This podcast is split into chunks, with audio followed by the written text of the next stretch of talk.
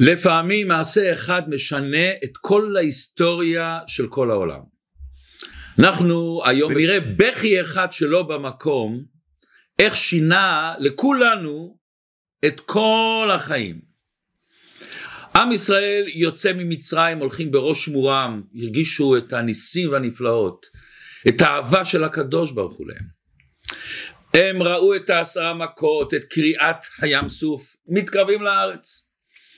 ואז משה רבנו שולח מרגלים. אומר המדרש שבעצם בני ישראל באו לפני זה לבקש ממשה שישלח מרגלים. הוא שאל את הקדוש ברוך הוא והשם אומר לו שלח לך אנשים. מה זה לך? שלח לדעתך אני איני מצווה לך. וכך בכ"ט בסיוון בבית אלפים תמ"ט זאת אומרת 2449 לבריאת העולם שלח משה רבנו 12 מרגלים. מרגל לכל שבט.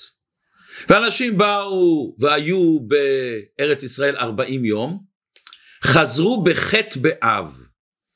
ואומר הפסוק שאז הם אספו את כל עם ישראל והם אמרו להם לא נוכל לעלות, לא נוכל לכבוש את הארץ, למה? כי חזק הוא ממנו. ועוד יותר הם אמרו, הארץ אשר עברנו בה לתור אותה ארץ אוכלת יושביה וכל העם אשר ראינו בתוכה אנשי מידות ראינו ענקים שמה הם הרמסו אותנו אומר המדרש מה פירוש ארץ אוכלת אוכלת יושביה אומרת הגמרא בא רבא ואמר אמר הקדוש ברוך הוא אני חשבתי על לטובה רציתי לעשות טובה והם חשבו על לרעה. למה? השם אמר כשהם נכנסו לעיר ואז אנשים יכולים לראות שבאו אנשים זרים יחשבו שהם מרגלים חס מה עשה הקדוש ברוך הוא? מגפה של דבר ופגעה באנשים המכובדים של העיר וכל העיר התעסקו בקבורה שלהם. ואז כולם היו עסוקים בוכים בריאה לא ראתה אותם ותראו מה שהם אומרים. תראה איך שאנחנו הרבה פעמים אצלנו את הטוב אנחנו הופכים לרע.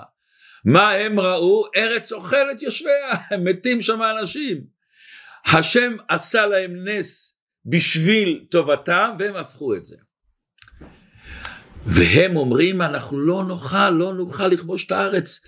ערים בצורות יש להם הם מסודרים לגמרי כנגד מלחמה וראו את הענקים שהענקים האלה אמרו הנה יש שם נמלים קטנים בצורת בני אדם מסתובבים שם. הם לא האמינו שהם יכולים לכבוש. והדבר הנורא נורא נורא כל עם ישראל צעק ובכה ואנשים בכו באותו הלילה וכל העדה אומרת אילו מתנו בארץ מצרים למה לא נשארנו במצרים למה השם מביא אותנו אל הארץ הזאת ליפול בחרב? הנשים שלנו הילדים שלנו יהיו שלל לא יותר טוב לחזור למצרים? ואז באה הגזרה הנוראה כמו שאומרת הגמרא במסכת תענית בתשעה באב נגזר על אבותינו שלא ייכנסו לארץ. ארבעים שנה הסתובבנו בארץ וכל הדור הזה מגיל עשרים לא זכו להיכנס לארץ הקודש. למה? אומרת הגמרא, אמר להם הקדוש ברוך הוא אתם בכיתם בכייה של חינם ואני, ואני קובע לכם בכייה לדורות. אומר אדמו"ר הזקן בעל התניא מייסד תורת החסידות חב"ד אם כל דבר בתורה זה הוראה בעבודת השם, כזה דבר מאורע טרגי ששינה לנו את כל החיים שלנו. למה? הבכייה הזאת, כמו שכתוב, בכייה לדורות. מתי נכה בית המקדש הראשון, בית המקדש השני? מתי היה גירוש ספרד? כל פעם בתשעה באב, זה זמן לא קל לעם ישראל. אומר אדמו"ר הזקן, מה אני לומד מזה? מה המסר לעבודת השם שלי, לחיים שלי, איך אני יכול לגדול מזה, לצמוח מזה. ובכלל צריך באמת להבין, בגלל בכייה בחינם, כמה דמעות שהלכו לחינם, כמה פחדים, למה, מה פתאום זה נהיה כזה טרגדיה שהשם אומר זה יהיה בכייה לדורות. ועד היום אנחנו מכירים שכל תשעה באב באים לבית כנסת, מכבים את האורות, נשאר קצת אורות, יושבים על הארץ, עושים את הקינות. למה? מה, מה, מה, אה, מה בגלל כמה דמעות שהם עשו טעות, עשו שגיאה, מה, מה הסיבה הזאת? מה הסיבה שבשביל זה זה נהפך להיות כזה יום של עצב, יום של צער? מסביר אדמו"ר הזקן, זה לא רק הדמעות, זה השורש של הדמעות. והשורש של הדמעות כל הזמן שהוא נשאר אצלנו, הוא תמיד יביא לנו לטרגדיות. זה הכוח של הפחד. הכוח שאתה לא מאמין בעצמך. הכוח שאתה לא מרגיש קשור אל הקדוש ברוך הוא. הפחד הוא לא תמיד רציונלי, לפעמים אני לא, לא מבין את הפחד הזה. יש אנשים אנחנו מכירים שתקועים בפחד מסוים. יש אנשים, אני מכיר אנשים שמפחדים ללכת מדרכה, אולי חס ושלום, חס שלום, מכונית עולה עליהם. אתה תקוע בפחד. אתה תקוע והפחד הזה משתק אותך. אומר הקדוש ברוך הוא זה לא בגלל הבכייה של דורות שהיה פעם, בגלל הבכייה של דור, הדורות שהיום בהווה שלנו. יש לבן אדם את הפחד והוא לא מאמין בקשר לקדוש ברוך הוא וזה קרה באותו דור.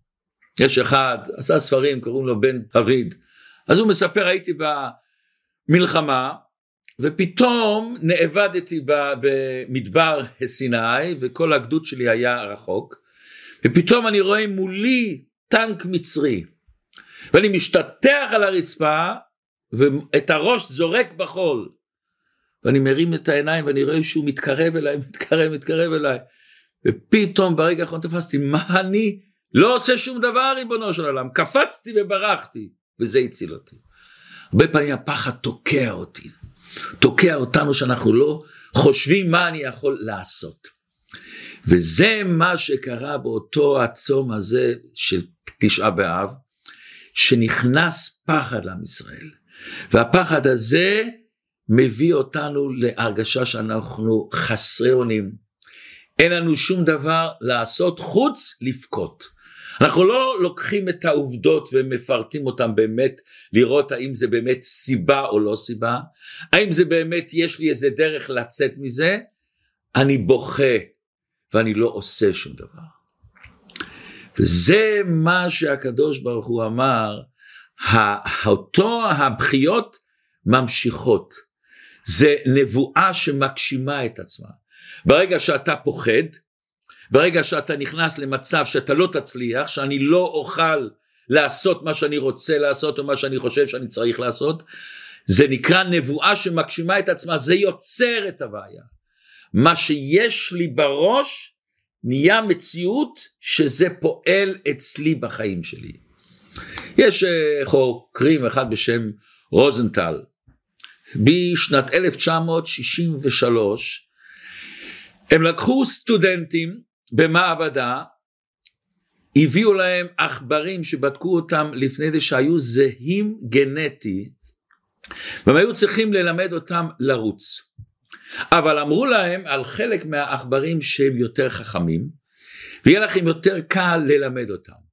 על החלק השני אמרו שהם עכברים יותר טיפשים יהיה לכם קשה ללמד אותם. האמת שזה היה בדיוק אותו דבר. שנה שלמה הם השקיעו בהם ומה ראו? כמובן, אותם הסטודנטים במרכאות החכמים רצו הרבה יותר מהר, הטיפשים הרבה פחות. אותו מחקר עשו גם בארץ ישראל, לקחו קבוצ, שתי קבוצות של ילדים ואמרו אל המורים על קבוצה אחת הילדים האלה מאוד מוכשרים, הילדים השניים לא. וכמובן אלה שהביטו עליהם בעין חיובית הם גדלו, הם צמחו. איוב סבל איסורים עצומים בואו תראה פסוק שצריך כל כך ללמד אותם. אומר איוב, כי פחד פחדתי ויעתני הייתי מפוחד, ואשר יגורתי יבוא לי. אומרת הגמרא במסכת ברכות, הסיבה לכל האיסורים של איוב הוא פיחד, הוא ציפה עליהם, הוא חשב עליהם. יש לנו את הכלל הגדול שהרבא תמיד לימד אותנו, תחשוב טוב יהיה טוב. אבל כמו שיש עוצמה נפלאה לתחשוב טוב יהיה טוב, חס ושלום להיפך, יש לו אותו, אותו כוח. וזה מה שבן אדם צריך ללמוד מאותו הפרשה דבר ראשון, תאמין בקדוש ברוך הוא. תאמין שאם הקדוש ברוך הוא ברא אותך, יש לך את הכוח. אנחנו מכירים את, ה, את ה, הסיפור המפורסם שסיפר רב מלך פוטפס, היה חסיד עסיסי כזה, מלא חוכמת חיים שעבר ברוסיה. אז הוא סיפר שפעם הלך לקרקס, והוא ראה שם פילים עצומים שעוש, שעושים שם כל מיני משחקים, והם היו קשורים לשרשרת קטנה ודקה. ולא, ולא הבינו איך הם לא נותנים מכה אחת עם הרגל, הורסים את כל השרשרת הזאת, קורעים אותה ובורחים. הסבירו, הסבירו לו, שבהתחלה קשרו אותם בשרשרת פלדה, כבדה מאוד, והם ניסו לקרוא אותה ולא הצליחו. ולאט לאט הורידו את השרשרת, יותר קטנה, יותר קטנה, יותר קטנה. הם בראש שלהם נשארו באותו שרשרת גדולה. כמה זה כואב הלב לראות אנשים שאנחנו מכירים אותם, אנשים מוכשרים נפלאים. אבל בגלל שבראש שלו, בראש שלו הוא כבול, הוא מפחד, הוא לא מאמין בעצמו. בראש שלו זה קובר אותו, זה מוריד אותו למטה. זה מה שאומר הפסוק, הם הסתכלו עלינו כחגבים, ולכן, וכך היינו בעינינו. עם ישראל הסתכל על עצמם שאין להם כוח. אבל בכל זאת עוד לא מובן. אומרת הגמרא, רגלים אמרו כי חזק הוא ממנו. מה זאת אומרת כי חזק הוא ממנו? אומרת הגמרא מסכת הסוטה ורש"י מביא את זה, כביכול הם אמרו שהיושבי הארץ האלה, העמים האלה שבארץ כנען, הם יותר חזקים כביכול מהקדוש ברוך הוא. שהקדוש ברוך הוא גם כביכול לא יכול לעשות שננצח אותם. איך זה יכול להיות ריבונו של עולם? כל ההיסטוריה לא נתקלנו בדור שהחיים שלו היו כל כך רבויים, מלאים, ניסים ונפלאות, מאשר הדור של משה רבנו. הם אותם עשרה מרגלים ראו את העשרה מכות. את המעצמה העולמית שהייתה אז מצרים, פתאום קיבלו עשרה מכות שהרסו אותה. הם ראו בפעם הראשונה בהיסטוריה שים סוף נקרע, וכל הצבא העצום הזה של פרעה נבלע בתוך הים סוף. איך אנשים שרק כמה חודשים לפני זה עמדתם לפני הר סיני וחוויתם את החוויה הזאת של ההתגלות של הקדוש ברוך הוא. פרחה נשמתם כתוב, ההתגלות האלוקית הזאת שינתה את המציאות שלהם. איך זה שאתה רק לפני כמה חודשים עמדת במעמד הר סיני ואתה כל כך רגיל לניסים, איך אתה מסוגל לחשוב לעצמך שהקדוש ברוך הוא לא יכול לכבוש את ארץ כנען שלכאורה היא הרבה פחות ממצרים. אז יש כאלה שרוצים להסביר, בן אדם שמתרגל למשהו, מתרגל לדבר לא טבעי, זה נהיה אצלו נורמלי. הוא כבר לא קולט שזה נס, הוא לאט לאט מחשיב שזה הטבע. יש מספרים שפעם בן אדם שלא היה לו הרבה עבודה אז הוא הלך ומכר לחמניות וסנדוויצ'ים על יד הבוסה באמריקה. הוא בא בבוקר, בחמש בבוקר עם העגלה שלו, הכין את הלחמניות ושם סל וכתב כל לחמניה חמש דולר. ואנשים עוברים, שמו את הכסף ולקחו את הלחמנייה. ואז עובר בן אדם, אומר לו, מה אתה עומד כאן בקור הזה באמריקה, שלג, ואתה עומד מוכר, אומר, אה, צריך פרנוסה, צריך פרנוסה. אז הוא לוקח את החמש דולר ושם בסל והולך. אז בן אדם הזה צועק עליו, אדוני, אדוני, אדוני, אדוני, שכחת לקחת את ה... לחמנייה שלך. אז הבן אדם אומר לא אל תדאג יש לי במשרד הרבה לחמניות, הרבה אוכל, אין לי שום בעיה, הכל בסדר. אני רוצה פשוט לעזור לך. שש חודשים כל יום הוא בא, שם את החמש דולר, והלאה ממשיך ללכת. ואז פתאום יום אחד הוא בא, שם את החמש דולר והולך. ובן אדם אומר, אדוני, אדוני, אדוני, הוא אומר, שכחת, אני כבר שש חודשים פה, יש לי את הלחמנייה, יש לי בבא, אצלי במשרד אוכל. אומר לו, לא, לא, לא, לא, לא ראית, המחיר עלה שמונה דולר עכשיו, למה אתה שם חמש? זה כוחו של הרגל. אז יש אומרים, הם ראו את הניסים, התרגלו לזה, חשבו שזה יותר, אבל זה לא כל כך פשוט. לא עבר הרבה זמן מהניסים האלה. זה לא לפני שנים, שנים, שנים. זה דבר שקרה להם עכשיו. עוד יותר דבר נורא ואיום. באותו יום שהם חזרו ואומרים ש, שכביכול גם הקדוש ברוך הוא לא יכול לעזור לנו להילחם. מה הם אכלו באותו יום? אכלו מן. אותו המן הזה שהיה בו את כל הטעמים שבעולם. מה היה השיחה, תתארו לכם, כשהמרגלים נפגשו במישהו זר, והוא שואל אותם, מה תאכלו היום בארוחת בוקר? מה זאת אומרת מה נאכל? מן, מן, מה זה מן? מאיפה זה בא? איפה אתה קונה את זה? במכולת? בסופרמרקט? איזה סופרמרקט? זה יוצא מן השמיים. מן השמיים? מה השמיים? הם אכלו את המן הזה. ואותו המן הזה אנחנו מכירים שהיה בו את כל הטעמים. נפלא, עוד יותר, למן לא היה פסולת. לא אנשים לא היו צריכים אז בזמנם ללכת לשירותים מכיוון שהמן היה בא מן השמיים מושלם. לא היינו צריכים להתפנות בכלל ריבונו של עולם. ולא רק אוכל כתוב. המן הזה כתוב שהביא איתו פסמים. אנשים באותו זמן לא היו צריכים לקנות פסמים מכיוון שהמן גם נתן להם ריח טוב. הם היו צריכים להשתמש איזה סוג פסמים שרצית, מהחברות הכי מיוחדות והכי הנפלאות, אתה היית יכול לקבל במן. ולא מספיק זה, אומר המדרש עם המן הזה גם באו יהלומים שמהם בנו, השתמשו לבית המקדש. ריבונו שלם, אתם ראיתם בחוש היום את המן, עוד יותר, אתם רואים בחוש את עמוד הענן. אותו עמוד ענן שדיברנו עליו בשבוע שעבר, הראה לנו בדיוק לאיפה ללכת, איפה להגיע, איך להגיע, ואותם ענני הכבוד גם שמרו עליהם מהחום של המדבר, מהקור של המדבר. הם אישרו להם את הדרכים, יותר מזה כתוב, הם כיפסו להם את הבגדים וגייצו אותם, הם הרגו את הנחשים והעקרבים, הם רואים את זה היום בזמן שהם אומרים אנחנו לא יכולים כי חזק הוא ממנו כביכול מהקדוש ברוך הוא. איך אתה מסוגל להגיד את זה? איך אתה מסוגל לחשוב כזה דבר? איך אתה מסוגל פתאום שאותו האלוקים שעזר לך עד עכשיו עוזר לך היום אתה רואה את זה בחוש פתאום אתה אומר אנחנו, לא- אנחנו הולכים למות. וכל העדה בוכים טרגדיה. מה הטרגדיה יש לך את המן אתה רואה בחוש את הקדוש ברוך הוא. איך זה יכול לקרות כזה איך יכול לקרות כזה ועוד שאלה גדולה יש. גם כלב, הרי היו שתי מרגלים, יהושע וכלב, שהם לא הלכו עם עשרה מרגלים, הם כן האמינו שנוכל לכבוש את ארץ ישראל. גם כלב, מה הוא אומר? ויאמר עלו נעלה וירשנו אותה, כי יכול נוכל לה. למה הוא לא מסביר להם בחוש אתם ראיתם את הניסים והנפלאות ריבונו של עולם? אתם ראיתם היום את המן, את עמוד הענן, אתם רואים את כל הניסים ונפלאות. למה הוא לא מסביר להם כמה שאתם טועים, כמה שיש לכם שגיאות גדולות, ריבונו של עולם? הוא סתם אומר פקט, אלון נעלה. למה?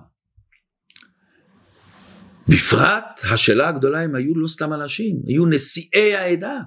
זה השמנת של עם ישראל. ובאותו עת כתוב שהם היו צדיקים בהתחלה, איך הם ירדו? אומר האדמו"ר הזה כן ביור נפלא.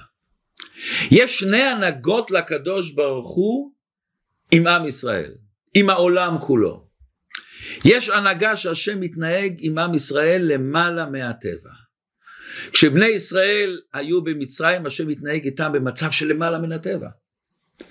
איך שהוא הוציא אותם, ואיך שהוא הנהיג אותם בדרך. שלוש מיליון אנשים ללכת במדבר, והם הרגישו גן עדן עלי אדמות פה בעולם הזה, במקום שלכאורה הכי אי אפשר לחיות בו. אז השם הנהיג אותם הנהגה למעלה מהטבע. אבל הקדוש ברוך הוא אומר לו זה הכל הכנה. כשאתם תכנסו לארץ הקודש ההנהגה הזאת תיפסק. תתחיל הנהגה טבעית. המצב יהיה שתצטרכו לזרוע, לקצור, לחרוש, תצטרכו ללכת למלחמה, תצטרכו להתעסק בכלכלה, לבנות את הבתים, לחשוב, לא יהיה לכם את אותו הענן הזה שיכבס את הבגדים שלכם. ההנאה, אותו הנהגה העל טבעית מפסיקה. ואז המרגלים שהיו נשיאי העדה, דבר ראשון הם אמרו אנחנו לא רוצים לחיות כזה מצב. נוח לנו לחיות באותו גן עדן שלומדים תורה וקשורים לקדוש ברוך הוא ומרגישים קשר פנימי וקשר מוחשי עם הקדוש ברוך הוא. אתה רואה את הקדוש ברוך הוא בעיניים בהתנהגות שלו. והם אמרו אם אנחנו ניכנס לארץ ישראל, איך הם אמרו? ארץ אוכלת יושביה. כל אחד מאיתנו יודע כמה הלחץ של חיים פיזיים, כמה העול, כמה המחשבות יכולות להרוס את הרוחניות שלנו. את התחושה של הנשמות שאנחנו קשורים לקדוש ברוך הוא.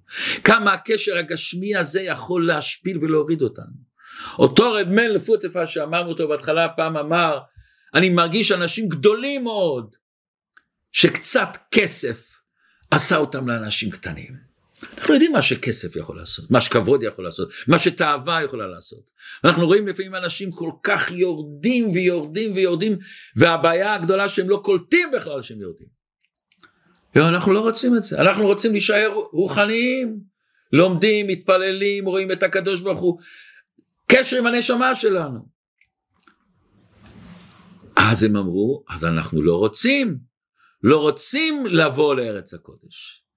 ואז בתת הכרה הם תמיד חיפשו את הדבר השלילי.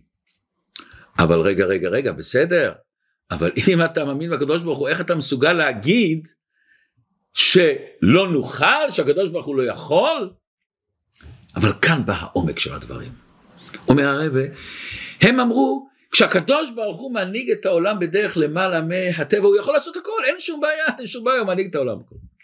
אבל אם הקדוש ברוך הוא אומר כביכול אני מצמצם את עצמי, אני מגביל את עצמי בטבע, אני מוריד את ההתנהגות שלמעלה מדרך הטבע. אז הם חושבים איך נוכל להילחם נגד 31 אימפריות ששולטות בארץ. כי חזק הוא ממנו, שכביכול הקדוש ברוך הוא לא יכול לעזור, למה לא יכול לעזור? מכיוון שהוא החליט לא לעזור, הוא החליט שהוא מוריד את ההנהגה שלמעלה מהטבע. ואז בא האנשים האלה ומתחילים לחשוב לא נאכל, אנחנו מתחילים להיות מציאותיים, אל תהיה לא נורמלי, אתה צריך להיטבע בעולם הגשמי, בעולם החומרי, בעולם האגואיסטי, אנחנו פתאום נהיה אנשים פשוטים, עד עכשיו פתאום היה לה התנהגות נפלאה, נהיה אנשים פשוטים. גמרנו מעמד הר סיני, הגילוי הגדול הזה היה, אבל עכשיו מתחיל חיים חדשים, שלב חדש. וזה מה שקרה להם. הם חשבו לעצמם שברגע שהקדוש ברוך הוא מכניס אותם לארץ כביכול השם מסתלק בהם. שכביכול השם מוריד את ההנהגה על טבעית ומשאיר רק את ההנהגה הטבעית. והוא מאבד את הנצחיות שלו, את הייחודיות שלו. ואז חס שלום הוא מתבולל ולכן הם לא רצו להיכנס לארץ, אבל אין סיכוי שנצליח לכבוש בדרך הזאת. מה לנו יותר שהיטלר עצמו תפס מי אנחנו. והבעיה הגדולה ביותר שאנחנו את הזהות שלנו מאבדים. את המחשבות שלנו שאנחנו כמו כל העמים, אנחנו אותו עם כמו כולם. היטלר יימח שמו, מה הוא כותב? אנשים אומרים שאנחנו ברברים. אנחנו רוצים להיות ברברים, הוא כותב. זה תואר מכובד. והוא אומר ההשגחה, הוא מדבר על השגחה, היטלר יימח שמו. ההשגחה מינתה אותי להיות משחררה הגדול של האנושות. אני משחרר את בני האדם מהכבלים, מהתפיסת העולם השקרית, המלוכלכת, המשפילה והמנוולת שהיא המצאה יהודית שנקרא מצפון, מוסר. האלוקים הם מסמלים את האלוקים בעולם ועל זה אני לוחם. היטלר תפס מי אנחנו. למה שאנחנו לא נתפוס מי אנחנו? למה שאנחנו לא נתפוס את העוצמה שיש בנו, את הקשר אל הקדוש ברוך הוא. בכל מצב, גם שאנחנו באים לארץ הקודש, גם שההנהגה היא בדרך הטבע, תמיד יש את הניצוץ הזה, את הניצוץ שלמעלה מן הטבע לכל אחד ואחד מאיתנו. תמיד יש את המבט של הקדוש ברוך הוא בך שיש לך תמיד את, ה, את העניין הזה של אתה בחרתנו מכל העמים. אבל כאשר אנחנו מגדירים את עצמנו רק במונחים פיזיים, רק כמה יש לי, כמה הבית שלי יפה, כמה האומנות שלי יפה, ברגע שאני מגדיר את עצמי רק במונחים פיזיים אני מרגיש ריקנות לא הגיונית. ואנחנו משכנעים את עצמנו שאנחנו חלק מחברה רגילה כמו כל היהודים, אבל תמיד יזכירו לנו שאנחנו אחרת. האנטישמיות, המצב בארץ, והצביעות הנוראה שבאומות המאוחדות, כולנו יודעים שאנחנו אחרת. כולנו תמיד נתעורר תמיד שאנחנו אחרת. וזה הנקודה הראשונה שבן אדם צריך להרגיש, לענות על השאלה, על הזהות שלו. מי אתה? להיות חי טוב עם הפרדוקס הזה. שמצד אחד אני רואה הנהגה טבעית, אבל מצד אחד אני יודע שבתוך ההנהגה הטבעית הזאת הקדוש ברוך הוא נמצא. ומה לנו שאנחנו היום חיים במצב כזה, שאחרי שואה מי חלם בכלל שיהודים יכולים להסתובב ברחוב עם ציציות בחוץ, יכולים לבנות ישיבות, יכולים להסתובב בעולם לדבר בשפת הקודש שלנו. איזה עוצמה זה, איזה, איזה, אנחנו לא קולטים את השינוי העצום, כמה עבר מזמן שאנשים פחדו והתחבאו בכלל בעולם. זה מה שאומר לנו הקדוש ברוך הוא בחטא מרגלים. חטא המרגלים אומר לנו שתמיד תאמין בעצמך, שתמיד לא, הפחד לא ישתק אותך. וגם אם נראה לך שהשם מנהיג את העולם בדרך הטבע, תמיד יש שם את ההשגחה מעל הטבע. הקדוש ברוך הוא הכניס אותנו במדבר בהנהגה על טבעית, אבל זה היה בעצם הכנה.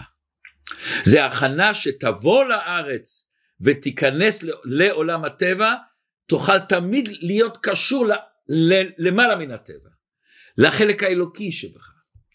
היה אצלנו לפני זמן בא לפה מפקד גדול מאוד בצבא האמריקאי שבא לדבר לצבא של אירופה בנאטו. אז הוא היה בבריסל, היה בפריז, היה בברלין, אמר הרצאות. עכשיו הוא בן אדם יהודי שבשנים האחרונות התחיל להתקרב והאח של אשתי, הגיס שלי איתו בקשר טוב, הוא נתן לו את הכתובת שלנו אם הוא רוצה להיות בשבת.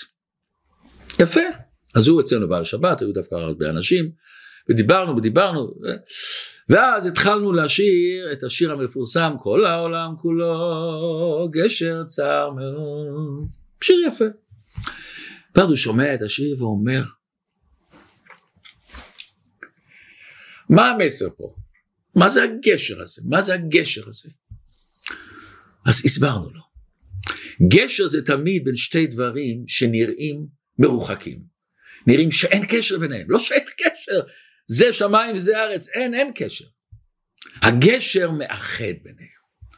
הקדוש ברוך הוא הכניס כל יהודי, כל אחד מאיתנו לעולם הגשמי. אבל לכל יהודי יש בעולם את הנשמה האלוקית שלו, את החלק אלוקה ממעל ממש. ומה השליחות שלנו? השליחות שלנו לקשר ביניהם, לעשות גשר. לא השליחות שלנו לברוח מן העולם הזה, להיות במדבר, להיות רק קשורים לרוחניות, לא, לא, לא, השליחות שלנו להיות רוחניים, אלוקיים, ולהוריד אותם בעולם גשמי. לעשות ברכות בעולם, לעשות ביזנס על פי ההלכה, להתפלל מנחה באמצע היום, באמצע העבודה. זה הגשר, לקחת את הקדושה, להוריד אותה בעולם הזה. כמו שהמדרש המפורסם, מה היה, כל מתן תורה מה הוא היה? היה גזרה העליונים לא ירדו לתחתונים והתחתונים לא יעלו לעליונים. והקדוש ברוך הוא אומר הוא ביטל את הגזרה. שהעליונים ואני המתחיל השם הוריד את השכינה לעולם, נתן לנו את התורה, והתפקיד שלנו להעלות. המפקד האמריקאי הזה יצא מן הכלים על זה. זה נתן לו משמעות אחרת בחיים. ואז הגיס שלי אומר לי, כשהוא בא בחזרה, כל פעם, בסעודת שבת, עם הסטודנטים שם, הוא תמיד ישיר את השיר הזה. והוא תמיד, תמיד, תמיד יסביר להם את ההסבר הזה. אנחנו פה בכדי לחשוף, לגלות את האחדות הנפלאה. זה התפקיד שלנו לגלות את האלוקות בחרישה, בזריעה, במסחר, בכל מצב ומצב מצב. וזה מה. מה שאמרו כלב ל... לכל הדת בבני בני ישראל, הארץ אשר עברנו בה לתור אותה היא טובה מאוד הארץ. אם חפץ בנו השם והביא אותנו אל הארץ הזאת. מסביר הרב מה זה אם חפץ בנו השם. חפץ זה תמיד הרצון הפנימי.